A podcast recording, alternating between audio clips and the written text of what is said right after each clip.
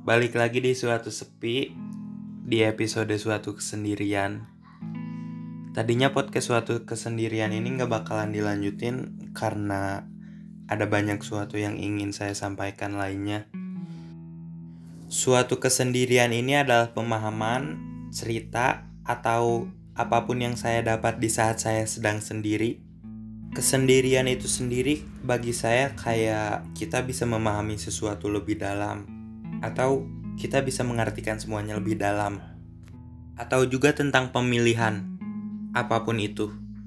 Kita bisa memilihnya sendiri tanpa ada hasutan dari orang lain. Sesederhana kalian lagi cari barang, buku atau barang apa pun itu sendirian. Kalian masuk ke sebuah toko Terus kalian cari-cari apa yang kalian cari. Begitu udah nemu banyak pilihannya, lalu kalian berpikir kayak, nah ini nih yang saya cari. Eh, tapi ini lebih bagus. Eh, yang mana ya? Yang ini aja deh. Begitu jalan beberapa langkah, ada barang yang serupa lagi. Kalian kayak, wow, ini ada lagi. Yang mana ya? Yang ini aja deh tetap eh tapi ini lebih bagus ya udah yang ini aja memang sih dalam hal pemilihan dalam seorang diri itu memang sulit. Tapi kayak kalian berhasil gitu memilih satu barang itu tanpa ada hasutan orang lain. Secara tidak langsung kalian memikirkan dan memilih sendiri tanpa ada hasutan dari orang lain. Ya meski kadang pilihan yang kalian ambil itu bukan yang terbaik tapi kalian berhasil. Dalam kesendirian juga kadang kita menemukan diri kita sendiri.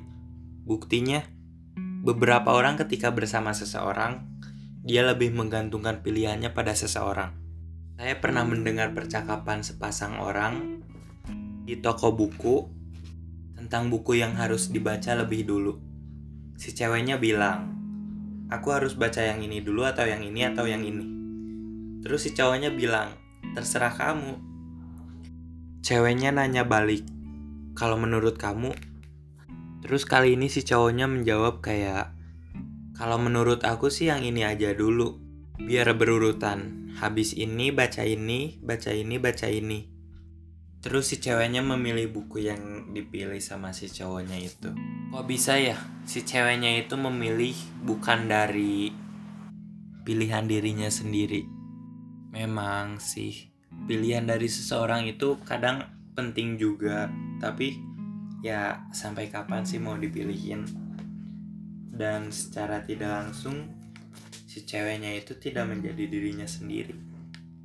Saya lebih suka orang-orang yang jujur pada dirinya sendiri yang memilih dengan apa kata isi hatinya, bukan apa kata orang lain memilih sendiri itu kayak lebih jujur gitu isi hati kita memilih yang mana mengarah ke mana.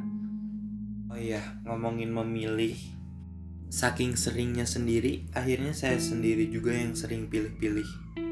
Hmm, contohnya ketika saya lagi dekat sama seseorang mungkin saya sendiri yang sering pilih-pilih.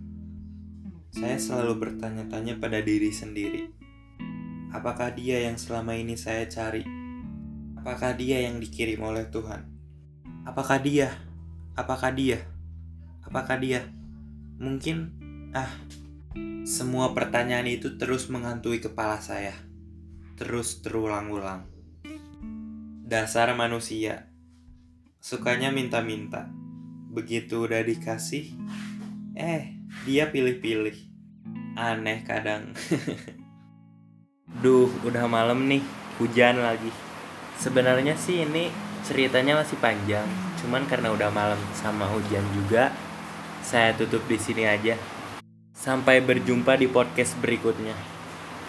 Selamat malam.